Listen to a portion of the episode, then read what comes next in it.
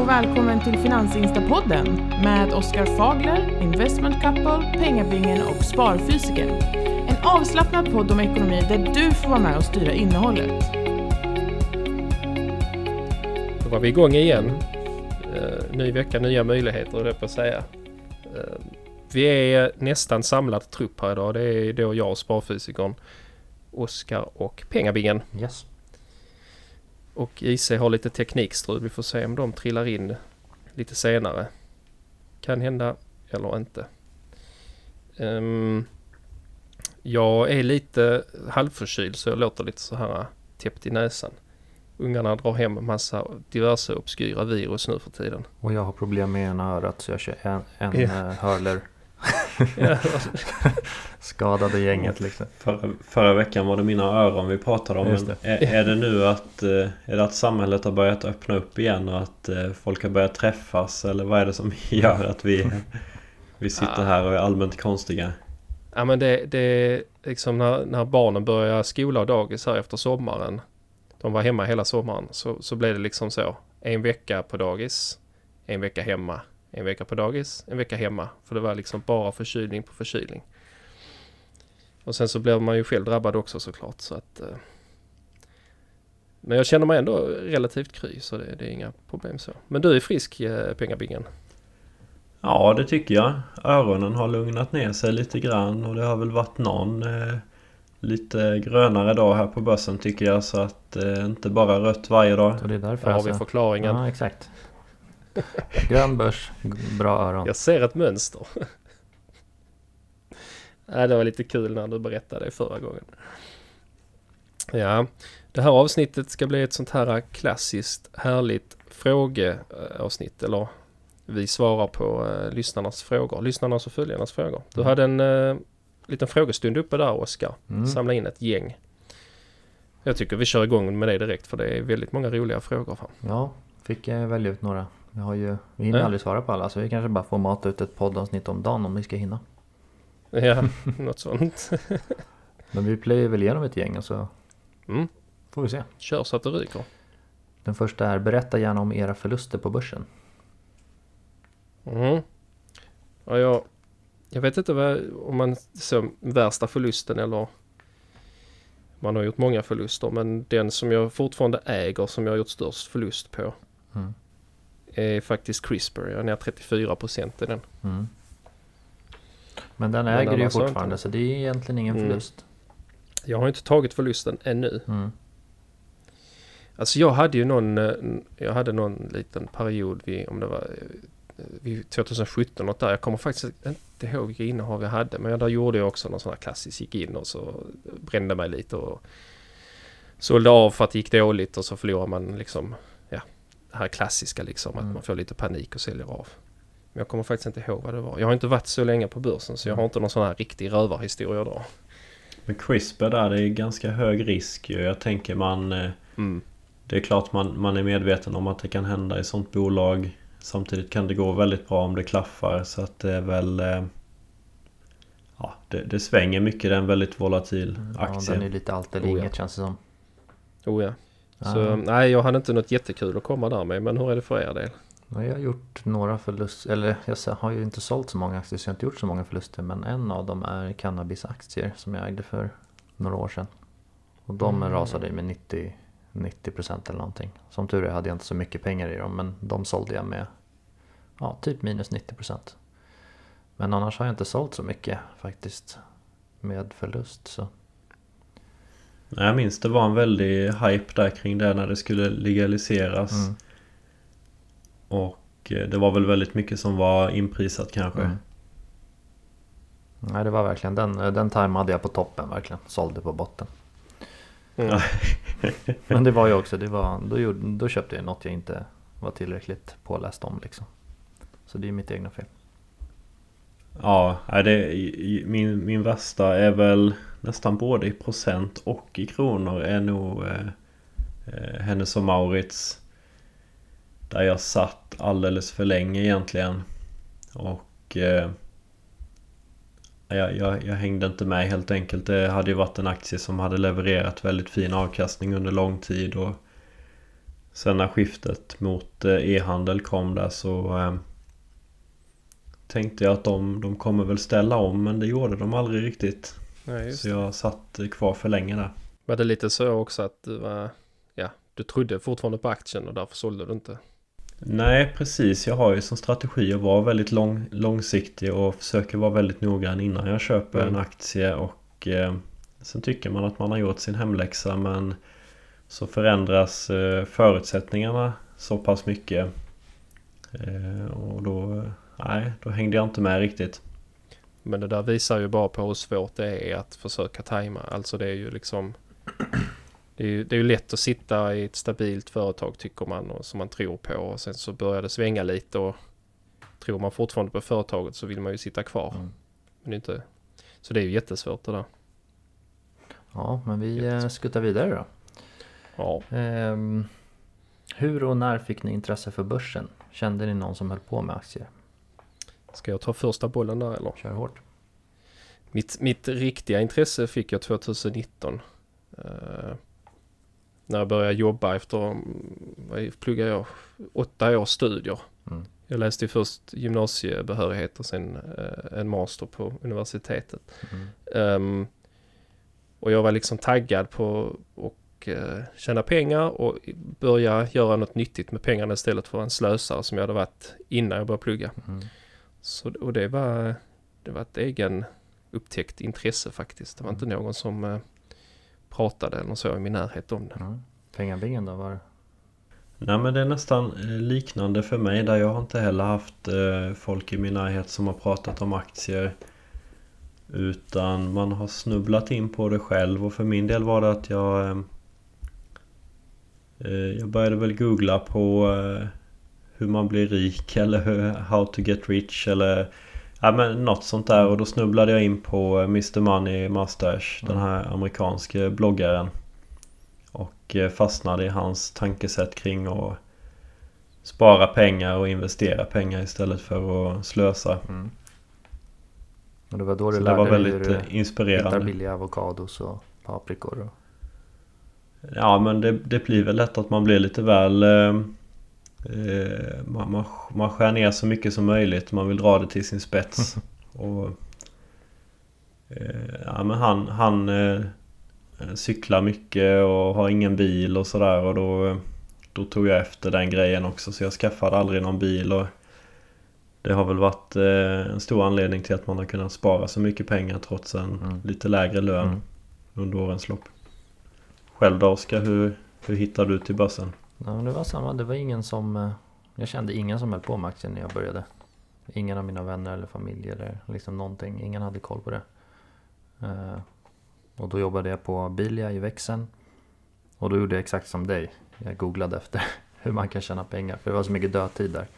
Jag satt och väntade på samtal bara. Så fan jag måste kunna göra något, något vettigare. Medan jag bara sitter och väntar liksom. Har, kollat, har surfat slut på Aftonbladet och allting. Bara uppdatera sidor för att hitta något. Men då, då sökte jag också efter typ hur man tjänar extra pengar. Liksom så här.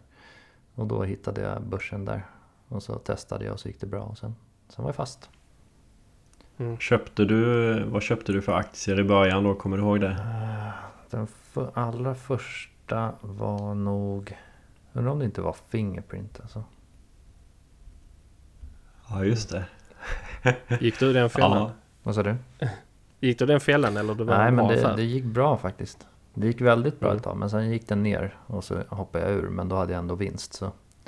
Mm, nice. Men äh, ja det var, en, det var en intressant start.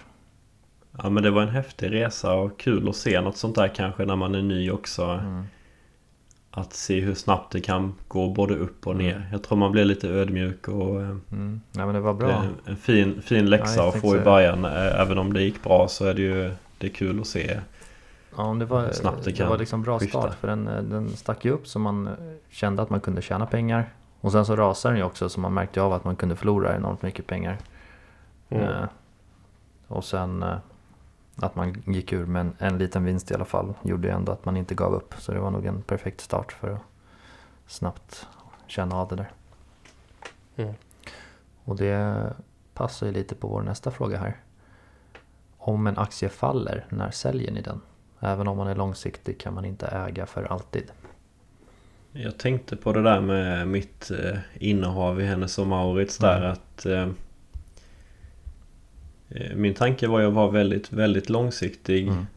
eh, Och sen börjar den falla Ja, när ska man sälja då? Men då kanske det är när eh, förutsättningarna för bolaget helt ändras Mm. Mm. Det kan vara att det sker en digitalisering som det, det blir en helt ny spelplan Hörde jag ny spelplan? Yay! Någon som kikar in här. Ja, Ja, jag, välkommen. jag, jag tänkte göra om spelplanen här. Eh, Du avbröt pengabingen mitt i hans spännande historia. då ska han få fortsätta. Men nu är det bara innan vi fortsätter. Nu är det viktigaste här. Har du satt igång inspelningen nu? Här Jag har satt igång inspelningen, jag har kopplat upp micken, jag är helt redo och jag är beredd att lyssna på vad Pengabingen har att säga. Det är perfekt. Guldstjärna i kanten. Teknikskiftet. Eh, Om det sker något, någon, någon typ av skifte som bolaget kanske inte har varit med om innan eller att förutsättningarna på marknaden ändras. Då kan det vara en anledning att, att sälja. Mm. Jag tänker samma. När någon, någonting ruckar på företaget i grunden Mm. liksom som, eh, som kan göra att det ställs på sin kant. Helt klart. Och det är därför det oftast går bra att köpa dippar också. Aktien faller ner men bolaget är fortfarande lika stabilt. Och då, då köper Mm. man liksom billigare aktiekurs fast bolaget går bra. Så. Precis. Mm. Man har ju sett de här, vi pratade om Kodak eh, och filmrullarna och när digitalkameran kom. mm. Mm. Den typen av mm, rejäla skiften Det går liksom inte att rädda för ett bolag. Det är väldigt svårt att ställa om och där Mm. ser vi väl många biltillverkare nu kanske som har fabriker som bygger bensin och dieselbilar. Ska de ställa om till ren el då? Det, det är inte helt enkelt för man har personal som är utbildad på något helt annat och man har... Mm. Ja, det är en bra det- poäng det, där. Det är svårt Det där. är många som Mm. tror att bara, ja men det är bara för dem att ha kvar fabrikerna så byter de bara ut motorn mot en elmotor liksom. Men det är så mycket, det är så stor skillnad verkligen. Lite mer komplicerat. Ja, exakt. Alltså det är ju det är framförallt batteri. Alltså få plats med batteri Mm. och vikten på batterierna som ställer till det väldigt mycket för hela karossen. Mm. Så det är inte så lätt. Mm. Något mer som ställde till det var ju jag här. eh, och det var ju, eh, jag, vi skulle ju dra igång podden 21.00. Ja, just det. Och, och jag var ju i tid, men sen så skulle datorn uppdateras. Jag vill inte vara den som är den men eh, det känns som att det alltid är strul när du ska in i podden. det är, men den här gången var det ju faktiskt en väldigt bra Det var ursäkt. inte mitt fel men micken lämnades där borta. Men eh, Och det är ju faktiskt så att Investment Capital, de är ju yngst av oss också men det är alltid teknikstrul från deras sida. Just det. Trots att de är födda in i det liksom. ja, man får ha lite överseende med 90-talister liksom. Ja. Ja. Men, Nu är ni här i men alla vart fall. är fru Eller är det bara här i sig? Ja, det är bara jag. Eh, Vi är inte på samma ställe just nu. Mhm. Mm, Så att okej. en av oss hade micken. Då så. Mm. Mm, Ja, men det går bra nu. Du är hjärtligt välkommen. tack, tack. Vad har ni hunnit prata om? Har ni, vi har en liten frågestund vad jag har förstått det. Yes. Mm. Mm. Så jag plöjer på med lite frågor här och så, så kör vi. Ja, jag ska försöka Mm. kompensera för mitt bortfall. Mm. Jag tror inte det blir så svårt. Nej. Ja men eh, jag kör nästa här då. Mm. Anledningen till att det är skakigt på börsen just nu. Jag tror alltid när det skakar på börsen att man vill hitta någon anledning Mm. till att det är just skakigt. Och nu har det väl varit det här med Evergrande och eh, den kinesiska fastighetsmarknaden och man har pratat om högre räntor och sådär men man, man, man försöker alltid hitta en anledning Mm. till att det är oroligt. Jag tänkte säga det också. Om börsen går upp 3% en dag då är det ingen som bryr sig. Då är det bara ah, ja, trevligt så här. Men när rasar den 3% då undrar man vad är det som händer? Och liksom, Ja. så det är, mm, Och samtidigt vi har haft typ 500 dagars uppgång. mm, En, en mindre korrektion på 10, 15-20 procent är väl snarare regel än undantag. Liksom. Det Mm. händer ju tätt titt som tätt. Mm. Mm. och sen sådana här. Jag tänker lite på eh, när eh, under VM där när eh, var det Ronaldo som flyttade bort en burk Coca-Cola och så Mm. föll kursen och så blev det en jättegrej i tidningarna Mm. att nu rasar Coca-Cola på grund av detta. Men då var det ju att de hade avskilt utdelningen den dagen. Exakt. Det var X Så egentligen var den ju inte ner aktien då. Men det, man ska alltid hitta en anledning till att oj, det här ska bli en grej vi ska skriva om nu. Mm. Sen så är det Men nog... människor är ju så. Man vill ju alltid ha en anledning till saker som händer. Man Ja. vill... Man söker ju information liksom. Varför är det så här? Ja, lite för att bekräfta ens egna världsbild, typ. Mm. Ja, men lite så. Och sen, Och sen blir man nervös och ja, det är rött och förlorar pengar. Och så tänker man inte man kanske är upp 40 procent och så är man bara ner 3 procent. ja, det var det jag tänkte också. För det, är så här, många tycker det är skakigt nu, men det är liksom, den har ju gått hur bra som helst. Det är bara några procent den faller. Så Mm. när det väl faller på riktigt, liksom 20-30 procent, då kommer de personerna få en chock. Och, och jag, jag Mm. kan säga så här att nu eftersom vi har varit inne i kryptomarknaden ett tag så är vi faktiskt helt avtrubbade av alla svängningar. Eh, Så att så här, ned, Ja, ja, det blir lite så. men nedgångar på 5, 10, 15, 20 procent sådär. Eh, Är det inget som har förändrats i bolaget så ser vi det bara som köplägen. Vad portföljen Mm. står i idag spelar ju ingen roll. Alltså vi kommer inte sälja många av bolagen på 10-20 år. Det är ju en vanesak det här att lära sig hantera de här nedgångarna som är relativt små egentligen. Om man ser det i långa loppet. Och, och ehm, är man ingen daytrader så behöver man egentligen inte bry sig om det särskilt mycket. Men det är ju det, det är en uh, finess att lära sig att eh, hålla huvudet kallt. Exakt. Och sen ju... Men man blir avtrubbad efter ett tag. Jag är det själv. Jag också blir en axelryckning. Bara, aha, okej, köpläge. Sen äger du fonder eller investmentbolag, då kan du känna dig ännu lugnare egentligen. Mm. Ja, men alltså, vi, vi har ju vant oss vid kursrörelser som är enorma. Alltså Mm. just vi. Så att när vår portfölj rör sig med tiotusentals kronor varje dag.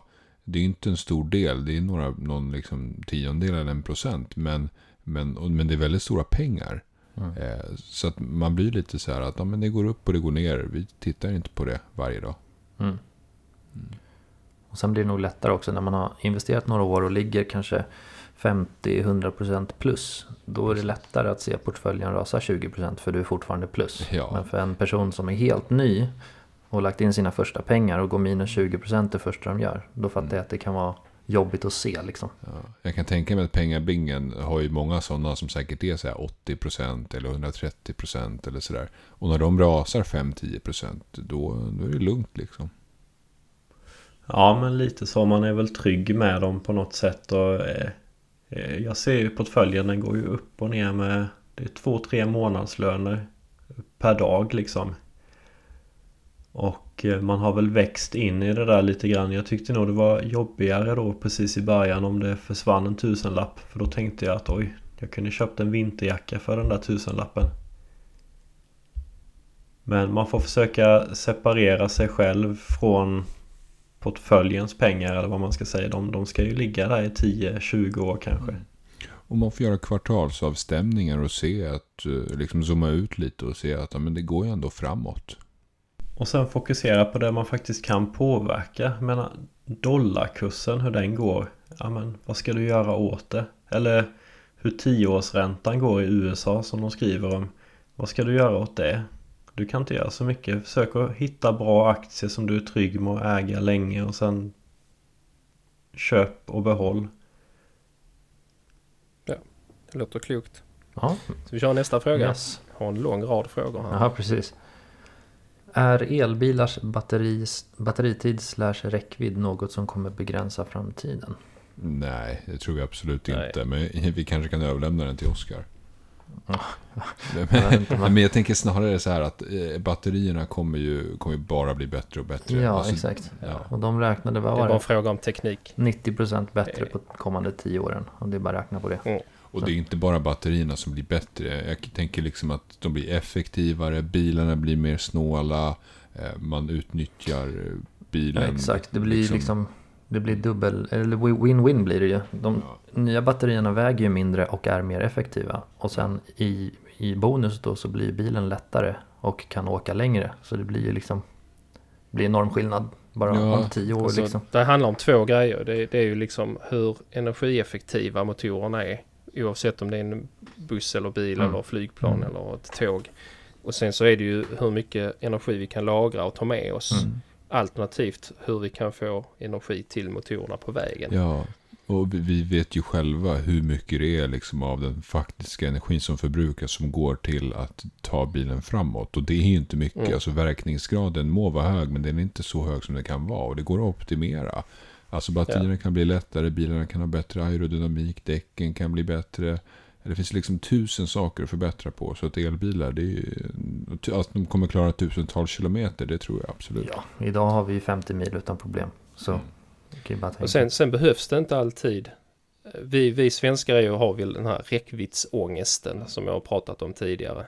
Eh, Att man vill gärna komma liksom jättelångt. Men jag läste nu att de ska i Stockholm installera 100 000 laddstolpar.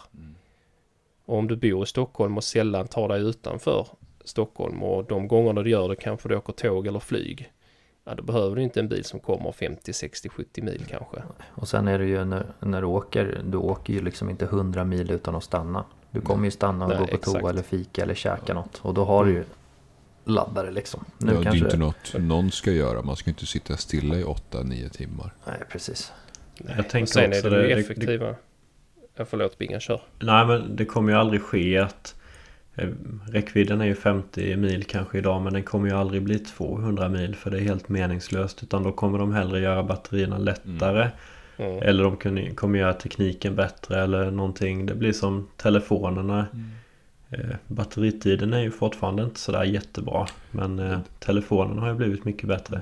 Ja, Mm. Där man kanske möjligen har vinst av batterier som klarar 2000 kilometer. Det är om det skulle vara en autopilot och så lastbil som ska transportera massa saker. Då kanske det, Ja. man kan liksom gynnas av det. Men ska en normal människa köra det så, så 500-600 mil eller 500-600 kilometer det räcker väl. Ja, och, gör det. och nu med alla snabbladdare också. Mm. Eh, det, blir ju bara, det går bara snabbare och snabbare att ladda de här 0 till 80 procent Mm. ju.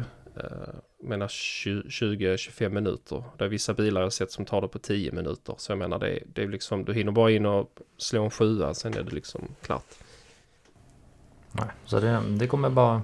Redan nu tycker jag det funkar bra. Mm, Så Mm. att det skulle vara ett problem i framtiden tror jag absolut inte. Ja, du har ju testat det live liksom. Ja, faktiskt. Mm. Ja, vi Ja. eh, Spännande. hoppar vidare. Om man ska spara långsiktigt, vilka aktier med utdelning ska man äga? Ja, här är det svårt, man kan ju inte eh, säga vad man ska äga, men det finns ju de här utdelningsaristokraterna och Mm. slänger man ihop ett gäng sådana så har man nog en ganska schysst utdelningsportfölj om det är det man är ute efter. Ja, och Precis, Mm. det finns ju de amerikanska listorna. Eh, vad är det, 25 år man ska ha höjt utdelningen Mm. För att vara en utdelningsaristokrat. Och så finns det utdelningskungar. Då är det väl 50 år man ska ha höjt utdelningen. Så det är bara att googla på det där. Och sen, vi vet att Marcus Hernhag har en bra lista över svenska utdelare. Och där är det ju Castellum som har bäst historik med Mm. 23 år i rad. Mm, Och, och Mm. att, att bolaget har liksom utdelning som har ökat år efter år. Det är också en kvalitetsstämpel som säger att det är ändå ett bolag som går i vinst och, och kan tjäna pengar helt enkelt. Oftast. Sen så finns det ju såklart sådana bolag som kanske eh, har gått jättebra och har haft utdelningar och sådär. Men kanske går lite segare på slutet. Av lite olika anledningar. Just de där, eh, de som har delat ut i många år, det är också, de har ju klarat kriserna bra eftersom de har kunnat delat ut varje år. Så det är också en trygghet. Och det är ofta, kollar man på den här listan så är det ju mycket fastighetsbolag med Castellum och eh, huvudstaden och så vidare. Men det finns en del eh, lite mer techbolag också som Vitech som har höjt utdelningen. Jag tror det är 19 eller 20 år i rad. Men annars är det väl mycket så här kommunikation, telekom, banker. Eh, och sen så har vi väl sådana här eh, amerikanska Coca-Cola och sånt där. Microsoft. Ja, och eh, kollar man på bankerna så det kommer alltid någon kris där de faller väldigt, väldigt mycket och får dra in utdelningen. Ofta går politikerna ut och säger att nej, bankerna får inte dela ut i år utan de ska, de ska hålla i pengarna. Och likadant med telekom, de har ju ofta höga utdelningar. Tele2 och Telia och de här men eh, sen får de ofta dra in utdelningen eller sänka emellanåt. Mm. Mm. Ja, Vi skuttar vidare. det gör vi. Det vore bra om ni höll er till ett ämne. Ni svävar iväg för mycket ibland. Alltså det där är svårt. Jag, satt, jag tänkte faktiskt på det här om dagen. Om man lyssnar på andra poddar så tänker man så åh det är en jättebra podd. Och så lyssnar man på en annan podd. Den är också jättebra men det är ett helt annat stuk liksom. Och, och jag menar det är, det är liksom vi är vi, tänker jag. Vi, vi kör på vårt sätt. Och det är ju alltid någon som kommer tycka det är skitbra och någon som kommer tycka det är skitdåligt. Precis som man själv tycker vissa poddar är skräp och vissa är jättebra. Jag hade ju tänkt att en podd som bara handlar om ett och samma ämne i 45 minuter hade varit lite tråkig. Eller? Ja men vi, vi har ju kört ämnesavsnitt där vi Mm. hållit oss till ett ämne men jag tänker Men vi brukar det alltid... blir ju utsvävningar, Ja. man kommer in på olika saker. Ja, vi brukar ju Det liksom kul. spränga in i alla fall två, tre ämnen ibland. Liksom att man kommer Mm. in på någonting och så börjar man prata om det. Och sen har det ju varit också ibland så har det blivit panikpodd när vi har fått ihop det liksom och så bara Då har vi bara dragit ihop något liksom. Och vi Mm. kör ju, vi kör ju allt här i en, en one take typ. Vi klipper ju inget eller någonting Mm. så. Vi babblar bara på. Mm.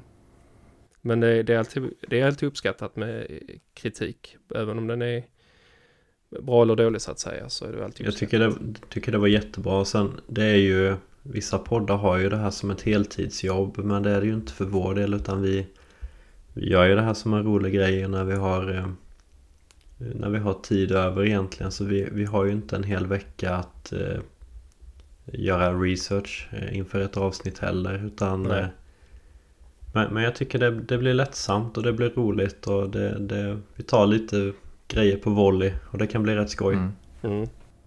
Ja gud ja, Mm. det ska inte liksom... Nej men vi har väl en liten mix. Vi har några ämnesavsnitt och, och vi har några där vi bara babblar och några som är lite följarfrågor. Så Ja. får man hitta det som passar. Mm. Men nej, uppskattat med kritik, det är alltid bra. Mm. Ja, vi tar nästa fråga då. Mm. Hur går det med det onoterade bolaget RAS? Och där, Just den det, preppade sugrören. jag faktiskt. Så jag snackade lite med vdn där. Bara för att kunna svara på den här frågan. Eh, Så jag, jag, jag läser det han, det han sa då. Eh, Kampanjen tecknades för, på 6 miljoner som de fick in med bra med kapital. Eh, De har fått hjälp av några investerare med kontakter och sånt. Grossist, deras grossister beställer som aldrig förr.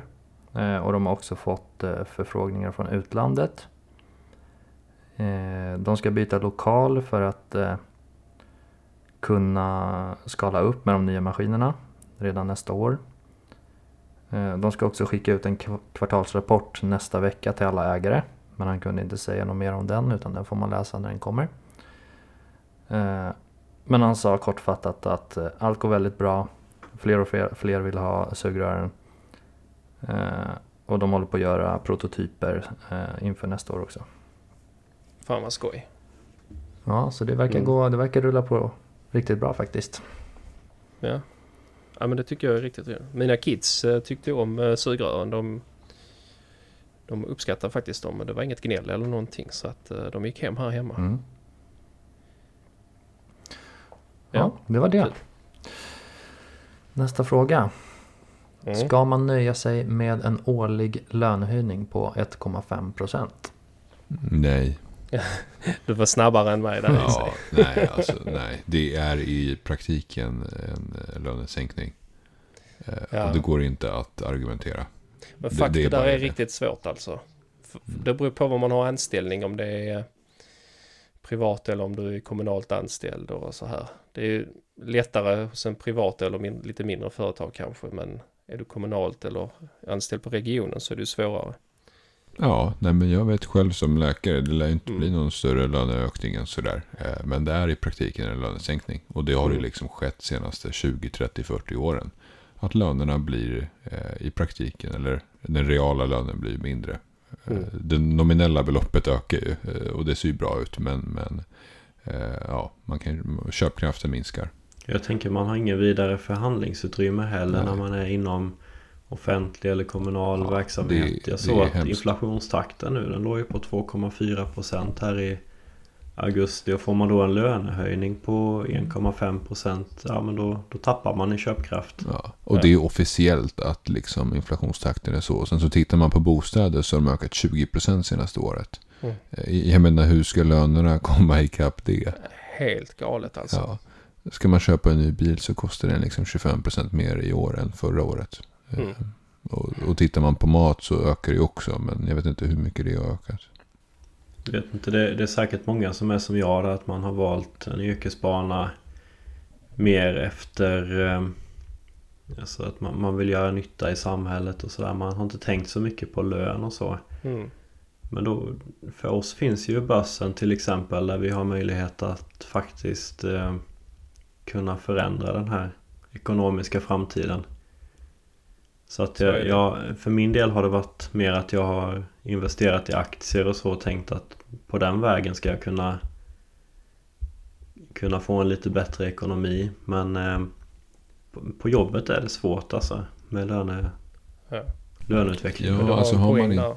Du har en poäng där, eh, Bingen. Just det här med att man ska ju faktiskt ha ett jobb man trivs väldigt bra med och ha kul på jobb. Och det väger upp väldigt mycket för att man kanske har en lägre lön eller att man får en mindre löneökning. Eh, men någonstans så måste man kanske ta igen pengarna då på ett eller annat sätt om man nu vill ha det lite bättre ställt eller gå i pension lite tidigare. Så är det ju.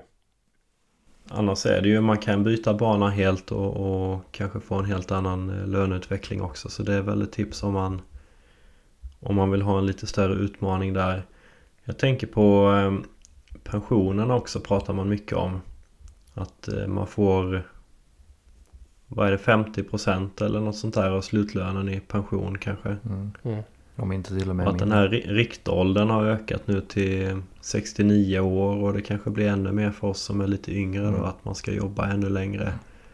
investment Men jag tror det, det blir nog mer och mer att man får ta ett eget ansvar och, och ha ett eget sparande. Man kan inte Man kan inte Nej. lita kanske på eh, systemet helt heller. Ja, det, låter lite cyniskt och sådär. Men när vi räknar eh, inför vår pension, pension. Då räknar vi inte att vi kommer få någonting alls i pension. Utan vi räknar bara med våra egna sparade pengar. Det är det vi ska klara oss på. Mm. Pensionen är en bonus. Ja, typ. Lite så. Jag bytte ju bana mitt i livet. När jag var 30 började jag plugga. Jag hade ju butik innan ju, så egentligen så har jag bytt ner mig om man tittar på inkomst. Eh, jag hade ju säkert haft mer i lön idag om jag hade fortsatt vara, om jag hade varit handlare eller butikschef. Men jag har fan så mycket bättre jobb nu än vad jag hade då. Mm. Så jag ångrar inte en sekund överhuvudtaget. Så det faller tillbaka på det för min del. Men då har jag ju annat vid sidan av. Nu har jag ju företag vid sidan av och så här så att Riktigt fint. det jämnar ut sig. Mm. Nästa fråga. Eh, prata om den otroligt nedsatta börsen senaste månaden. Röda siffror varje dag. Ja men inte idag. Nej, precis. Och det beror nog lite på vad man äger. Jag tror de som äger Evo, Embracer och investmentbolag, de har nog haft en seg månad. Eh, Mm. Men det finns ju mycket som har gått upp också. Eh, Och sen är det, det är bara en månad. Det är väldigt kort tid. Att det är rött en månad, det är inte ovanligt. Kan ju vara rött i, i fem år liksom. Så man, man är nog bara bortskämd med det blåa dag efter dag. Mm. Så är det. Jag skrev ju lite om det i min månadsrapport där på Instagram. Att jag var back eh, 350 000 ungefär. Mm. Under september och att eh, det faktiskt var den första röda månaden. Eh, Innan dess hade det varit åtta månader i rad när börsen gick Mm. upp. Mm. Så att det är klart att det, det blir väl extra läskigt då när det väl går ner för man är inte van vid det. Nej men det, det är ju inget konstigt detta egentligen. Så. Nej. Och så, följande frågan passar ju bra. Hur bör man tänka kring och hantera börsnedgångar? Det finns ett par knep tycker jag. Eh, ett är logga inte in och kolla dina innehav om du är långsiktig. Mm. Om du har det som en plan i- sedan tidigare så bry dig inte om att gå in och kolla. Vet att många gör det flera gånger om dagen. Och nummer två är att zooma ut och titta på 1, 2, 10, 20 år om det är en fond eller en, en aktie som har funnits så länge. Så titta på det över ett långt perspektiv. Titta på index över lång tid. Och så ser man ju faktiskt att det har gått upp i nästan samtliga fall. Mm. Så man får förankra, förankra sin, eh, sin plan i, är du långsiktig så, långsiktig så förankra din plan i liksom att titta på, på grafer över lång tid. övertygar sig själv om att det inte är någon fara Ja. förmodligen. Ja men det är ju lite så. Är du långsiktig då behöver du egentligen inte oroa dig. Om du äger bra och, och många bolag och är diversifierad. Men och, eh, Mm. skulle du vara jättekortsiktig då ska du egentligen inte investera överhuvudtaget. Nej. Så. Då bör Nej man precis. Det, det är därför vi säger med investera aldrig pengar som du behöver de kommande åren kanske. Utan eh, investera bara pengar som du kan vara långsiktig Mm. med. Yes. Mm. Eh, ni skriver att ni köper en aktie och att det inte är köpråd. Men folk ryggar nog er ändå. Skulle ni känna skuld om en aktie ni köpt skulle gå dåligt? Nej, eh, alltså Nej. eh, när vi, vi, vi ser lite det vi gör som så bloggverksamhet. Vi dokumenterar och delar det vi gör. Mm. Eh, tänker vi. Och sen så, ja, folk får väl inspireras av det eller, eller följa det eller ty, vad de tycker vad de vill om det. Men vi delar våra fondköp, våra aktieköp när vi investerar i si och så. Och, eh, det är väl klart att många använder det som inspiration och säkert ryggar en del. Men jag har svårt att se att, eh, att eh, man inte kan hitta det på andra sätt också. Jag menar, över hela nätet finns det ju massa olika Mm. eh, köprekommendationer som man kan eh, Mm. hämta från folk. Mm, Det är så. Vi är ju nersmetade med reklam i hela samhället med allt möjligt. Mm. Med att, att köpa kläder och skor och spela på kasino och allting. Mm. Eh, men, och det kommer alltid ner till individens egna beslut. Mm. Det ligger alltid på ens egna axlar. Mm. Eh, så, så tycker jag liksom. Jag skulle inte känna någon skuld. Och sen så delar vi i princip alla våra köp. Alltså vi försöker få upp ungefär 90% av våra köp. Och då, Mm. då delar vi alla bolag vi äger. Och Mm. det kan vara att vi delar upp emot 30-40 olika aktieköp Mm. i olika bolag senaste halvåret. Och Mm. då är det så. Nej, jag håller med. Det Mm. ni säger. Så att nej, jag tycker inte man ska liksom se det som någon rådgivning eller sådär. Eller direkta köptips. Men, men jag tycker själv att det är kul att scrolla lite och läsa på både eh, Mm. liksom nyhetssidor men också YouTube och Instagram och Mm. sånt där. Hur tänker Ja, folk gud, ja. och sådär. Och jag tycker man, man ska vara försiktig också för man vet aldrig eh, Du kanske har en annan tidshorisont än vad den du den, den du följer har. Jag är väldigt långsiktig men det kanske inte alla mina följare är heller. Och eh, kollar man på de här eh, köprekommendationerna och säljrekommendationerna som kommer från analyshusen. Då är det ofta så här att eh, Morgan Stanley har sagt, satt köp på den här och det, det känns som det är väldigt korta köp och sälj. Ja, de baserar ju på 12 månader Rek. bara. Så. Ja, utan motivering. Vi sätter riktkurs 1900 på den här. Och jag, jag, har ni förstått grejen med de där? Jag har aldrig förstått det. Ja, men de gör ju en analys och så. Och så har de oftast får, ibland står det ju bara riktkursen men jag tror en del ligger, det är liksom unikt till deras kunder bara. Det är därför man inte ser själva Nej, analysen. det står, det står, ofta står det ju inte vad de har för... Är det på 12 månader eller är det på en ja, månad? 12 eller månader är standard om det inte står något. Mm. Mm. Men jag tror alla sätter 12. Jag tror inte det är någon som skriver, eller ja en del. Typ Cathy Woods är ju fem år på Tesla och sådär. Men annars är det typ 12 månader har nog 99% av alla sådana där riktkurs. Ja, för det, själv tycker jag det är helt ointressant om det är på 12 månader för jag är betydligt mer långsiktig själv och eh, jag vill ju hellre i så fall få rekommendationer som gäller på 5 och 10 år men så pass långsiktig är ju sällan eh, finansbranschen. Mm. Mm. Sen så har vi pratat om det här en gång tidigare. Men det är det här med. Alltså tittar man på vissa. Till exempel. Jag följer en del YouTubers. Och då kan det vara så att de helt plötsligt bara en fredagkväll köper 200 Tesla-aktier. Det är ju ungefär en miljon kronor eller något sånt där. Mm. Eh, och för oss är ju det fantasisummor. Det är liksom det vi har i kapital typ. Men eh, för Mm. dem är det kanske en veckolön. Mm. Eh, och det, man måste ju ändå liksom sätta det i perspektiv. För att för mig köpa 200 Tesla-aktier det är typ att ja, spräcka hela sparbössan och gå in med allt jag har i, ett, Mm. i Tesla. Medan för den här personen är det bara en veckolön. Mm. Eh, så, så att man, man måste lite så här, när man ser att någon köper något för 10 000 eller 50 000 eller om det är 3 000 kronor. Då måste man ändå tänka lite, aha, hur mycket pengar har den här personen egentligen? Hur, hur, stor, Ja. hur stor stek tar den här personen i det här bolaget? Mm. Så. Och, och, och när man läser att någon av de här rika finanshajarna går in med 100 miljoner i något bolag. Då kanske det bara är en promille av deras portfölj. Mm. Ja, vi ska ta vidare. Vad innebär blankning? Det är när man satsar på nedgång istället för uppgång. Ja, det är väl att man, att man köper en aktie, eh, lånar ut den och sen eh, i förväntan att man ska kunna köpa tillbaka den billigare. Ungefär så. Har jag, har jag fattat det rätt? Nej, vänta nu. det förvirrar mig. Du, Du köper den, säljer den direkt. nej, du lånar den. Och sen så säljer du den.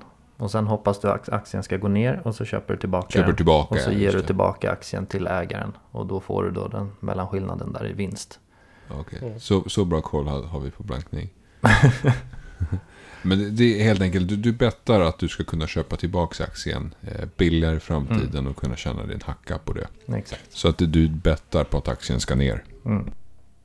Och det farliga med blankning är ju att aktien kan ju gå upp hur mycket som helst. Äger du en aktie så kan den ju bara falla 100%.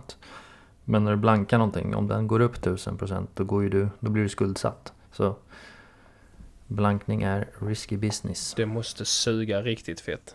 Ja, för min del har det aldrig varit intressant alls. Utan jag tänker att börsen går upp i längden och eh, då är det den sidan jag vill vara på. Sen, sen är det häftigt att kolla på de här filmerna som The Big Short när han eh, blankar eh, amerikanska husmarknaden liksom. Ja, det är ju jättehäftigt men nej, Nej, så, fort, själv gillar jag hellre att bara ligga lång. så fort du blankar så har du ju oddsen mot dig. Liksom. Det är, den, som du säger, att den, den går ju uppåt. Så det är ju Mm. bara av att blanka så har du ju motgång direkt. Känns som en riktigt hög gambling. Mm. Ja. Men säkert spännande om man eh, tycker om det. Tycker om spänning. Ja, precis. Det är jobbigt att, att, att blanka någonting som får någon sån där mega-rally. Om man sitter och blankar Ja. AMC till exempel. Så går den upp 100 000 procent. Och så sitter man där med skulder på flera miljoner och bara oops. Men en, en grej jag kan tycka är lite konstigt är ju de här eh, hedgefondaktivisterna som skriver eh, blankningscase. Man skriver att det här, är, det här är en scam, detta är en bluff liksom, skriver de om en aktie. Och så kanske de blankar aktien samtidigt då. Och då den går ju ner Mm. och då tjänar de ju massa pengar på det. Mm. Ja. Ja, Jag förstår inte riktigt att det kan vara eh, lagligt. Det hände ju nu i veckan här. Men är det inte... Men då gick ju eh, ARK gick ju in och köpte istället. Eh, jag vet inte hur det slutade riktigt. Det var något... Eh, jag tror det var något biotechbolag. fan. Men det, fin- ja, det finns väl en hel del sådana. Det är ju marknadsmanipulation. Men det har väl försiggått så länge så att eh, det verkar ju vara okej. Eller hur? Sen kan jag tycka det är bra också att de gräver i redovisningen på vissa bolag att eh, de kommer fram till felaktigheter. Mm. Så jag vet inte. De fyller väl sin funktion de också. Ja, Ja, vi hoppar vidare. vi kör. Det gör vi. Vad jobbar ni med? Vi tar varvet runt Eh, lite vi kort. tar varm. Ska vi börja med dig Oskar? Fritidsledare. IC, läkare, Sparfysikern, sjukhusfysiker. Pengabingen. Pengabingen. Nej men jag har ju alltid varit anonym med det så att jag... Jag kommer fortsätta och eh, hålla det hemligt. Eh, Helt okej. Mm. Ja. Du jobbar anonymt Helt helt okej. enkelt. ja men det gör jag. Börshaj. I det fördolda. Men vi, vi, vi tre då här eh, som har vågat säga vad vi jobbar med. Vi jobbar ju ändå med yrken där vi hjälper andra människor på sätt och vis. Mm. Fritidsledare jobbar med människor och sjukhusmänniskor, sjukhusfysiker jobbar. Jag jobbar inom vården och det gör ju läkare också. Mm. Det är ändå kul. Vi har, har det gemensamt. Mm. Ja, det är kul. Trots att det är vitt skilda yrken. Mm. Vi kanske ska, jag kanske ska lägga upp en, en frågeruta sen där följarna får gissa vad PB jobbar med. Så ska vi se. Mm. Mm. Ja, Ja det kan vara kul. Det är många som gissar på polis. Ja. ja. Ja, Aj då. Jag avslöjat alldeles för mycket för dig då. Nej. Men du hade, hade du inte lite, lite grova händer där PB? Hur vet du det Oskar? det, det, det tänker jag inte svara på men jag vet mer än vad du tror. Ja, det låter läskigt. Ja, Lås dörren då. Ja, det, det är så nog... eh, Det, ja, polis var väl en, en bra gissning, Mm. Mm. tror jag. Eller hur tror jag. Jag tror, jag tror det är någon sån här jätte, så här, typ så han jobbar med något så här väldigt obskyrt. Typ så Ja. här, han jobbar han jobbar på en sån här Säpo som någon hemlig agent eller Just sånt. det. Men utåt sett så är han en sån här kontorsråtta.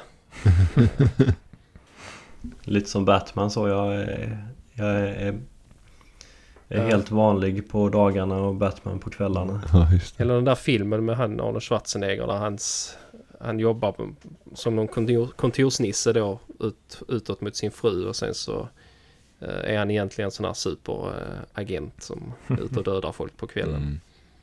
Mm, ja, det blir spännande. Om man Mm. någonsin får reda på det. Ni kan få en ledtråd. Riktigt så spännande är det inte. Mm. Nej. Fan. Ja, ja. Ja, ska vi klämma in en sista fråga Mm. för Mm. kvällen? Eh, det är många som rekommenderar Investor. Är det någon slags garanti? Men det är lite intressant för du, eh, Pengabingen hade väl ett inlägg om det idag, eller var det igår? Ja, jag pratar ju mycket om Investor och det är ju mitt största innehav. Ehm, och det är ju också den mest köpta aktien eh, hos de stora nätmäklarna. Mm. Så det är ju en väldigt populär aktie och eh, det har väl blivit mer och mer populärt de senaste åren med investmentbolag också. Precis. Ehm, Men det är absolut ingen garanti för framtiden utan eh, Investor har ju De har haft 15% i årlig avkastning sedan 1987 och det är klart det är ju Det är ju väldigt bra. Ja. Man har eh, familjen Wallenberg som storägare. Och eh, man får exponering mot eh, en stor del av den svenska industrin så det är ju lite som en som en liten fond Mm. kan man säga. Mm. Investor är alltså en, det är en relativt trygg placering. Men ingenting på börsen är ju en garanti. Det finns ju inte en enda aktie som har någon garanti med sig. Nej, det är viktigt att påpeka det som en liten disclaimer. Liksom att man ska inte ta, ta detta som något köpråd eller något sådant. Det är ju alltid en risk. Alltid en risk att ha pengar på börsen. Spelar ingen roll vad Precis. Kolla, kollar man på finanskrisen där 2008. Ja men då gick ju även Investor gick ju ner med nästan 50% då. Mm. Precis. Ja, det är bara att tänka så. Inga garantier på börsen, så är det. Hade du fler frågor där eller det var sista? Ja, det var de jag tog med för idag. Nu är vi Mm. uppe i en, eh, snart 50 minuter här. Mm. Trevligt avsnitt. Mycket trevligt. Ja, jag gillar, Ja. jag gillar frågeavsnitten. De är lite trevliga. Ja, det gör jag också. Ja. Mm. Det blir eh, spridda skurar och eh, jag tycker det är kul. kommer alltid nya frågor också varje gång. Och IC fick vara med också. Det var kul att Mm, de kunde kika in. Ja, det. Fint folk kommer ju sent. Just det, så är det. Ja. Jag, jag brukar hålla mig till den akademiska kvarten. Mm. Ja,